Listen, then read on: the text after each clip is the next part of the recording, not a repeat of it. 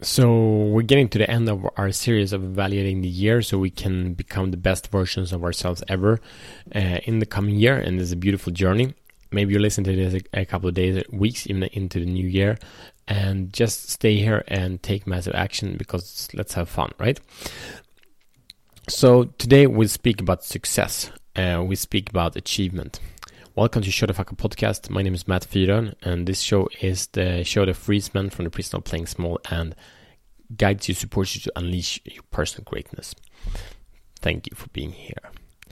So um, we go quite quite in a moment straight into the to the mission, but really we want to um, accomplish, we want to celebrate and recognize the success and achievement you have had in this past year, and how you've been showing up to create this.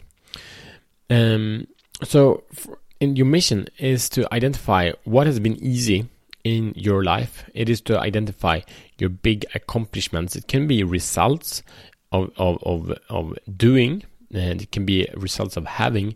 It can be results of being, like who you have become. That is a great, uh, you know, that's the greatest achievement of all. And as a result of these things, and again, checking on all the uh, areas of life that we checked in to remember that actually I had massive uh, result in an area that, that I haven't in, even focused on, but actually been a massive transformation. Could be. Uh, and then finally, what insights do you have as a result from uh, writing these things down? That is it. I thank you, and I see you tomorrow as better men.